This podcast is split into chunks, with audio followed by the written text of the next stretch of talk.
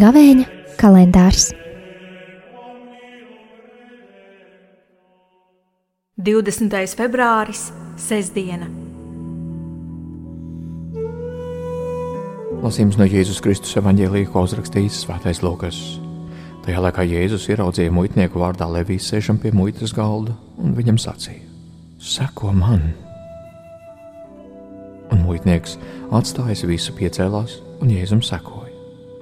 Un Levija Jēzum sarīkoja lielu mīlestību savā namā, un tur bija daudz muitnieku un citu, kas kopā ar viņiem sēdās pie galda. Bet farizēji un rakstu zinātāji kurnēja pret Jēzus mācekļiem sacīdami: Kāpēc jūs ēdat un dzerat kopā ar muitniekiem un grēciniekiem?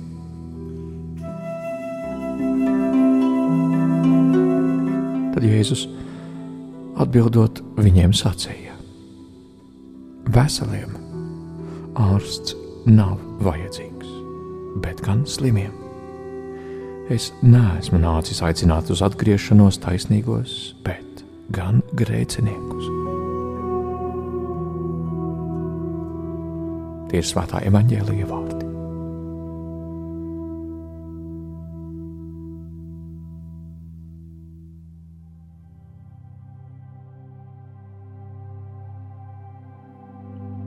Kristus pienākot pie Levis, saka: Seko man, un Levi viņam tūlīt paklausa. Vai nav savādi tā uzreiz paklausīt, neuzdot jautājumus, nezinot, uz kurien vedīs šis ceļš? Tā pasaule var spriest par šo situāciju. Tomēr Levi kā muitnieks, kurš bija izslēgts no sinagogas un reizē no tautas, ilgojās atgriezties pie Dieva. Saņemt pestīšanu savai dvēselē, saņemt grēku piedošanu. Pēc Dieva izslāpusī dvēseli uzreiz pazina Kristu. Tāpat kā Marija pazina Dieva gribu pasludināšanas brīdī. Tāpat kā Jāzeps to pazina sapnī, tāpat arī Andrejs, satiekot Jēzu, tūlīt gāja sludināt. Mēs satikām Mēsiju, viņš teica. Izslāpusī dvēsele pēc dieva pazīst Kristu un sekotām, atstājot visu nevajadzīgo un traucējošo. Šis ir tas laiks, kad celties un sekot Kristum uz augšām celšanos.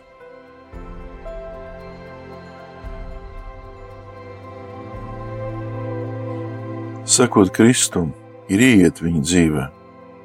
Kā Jāņa mācekļiem Jēzus teica: Nāciet un skatieties, būtībā sekojiet man.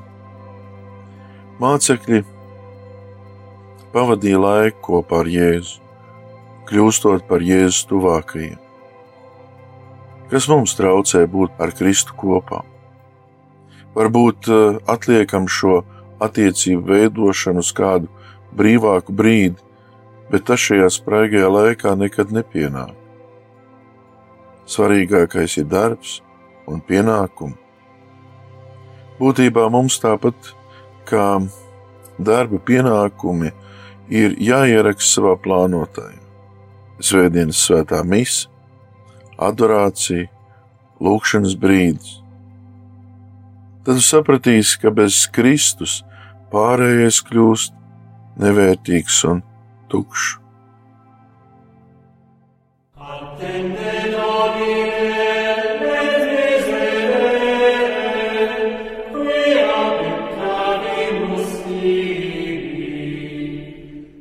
Gavēņa kalendārs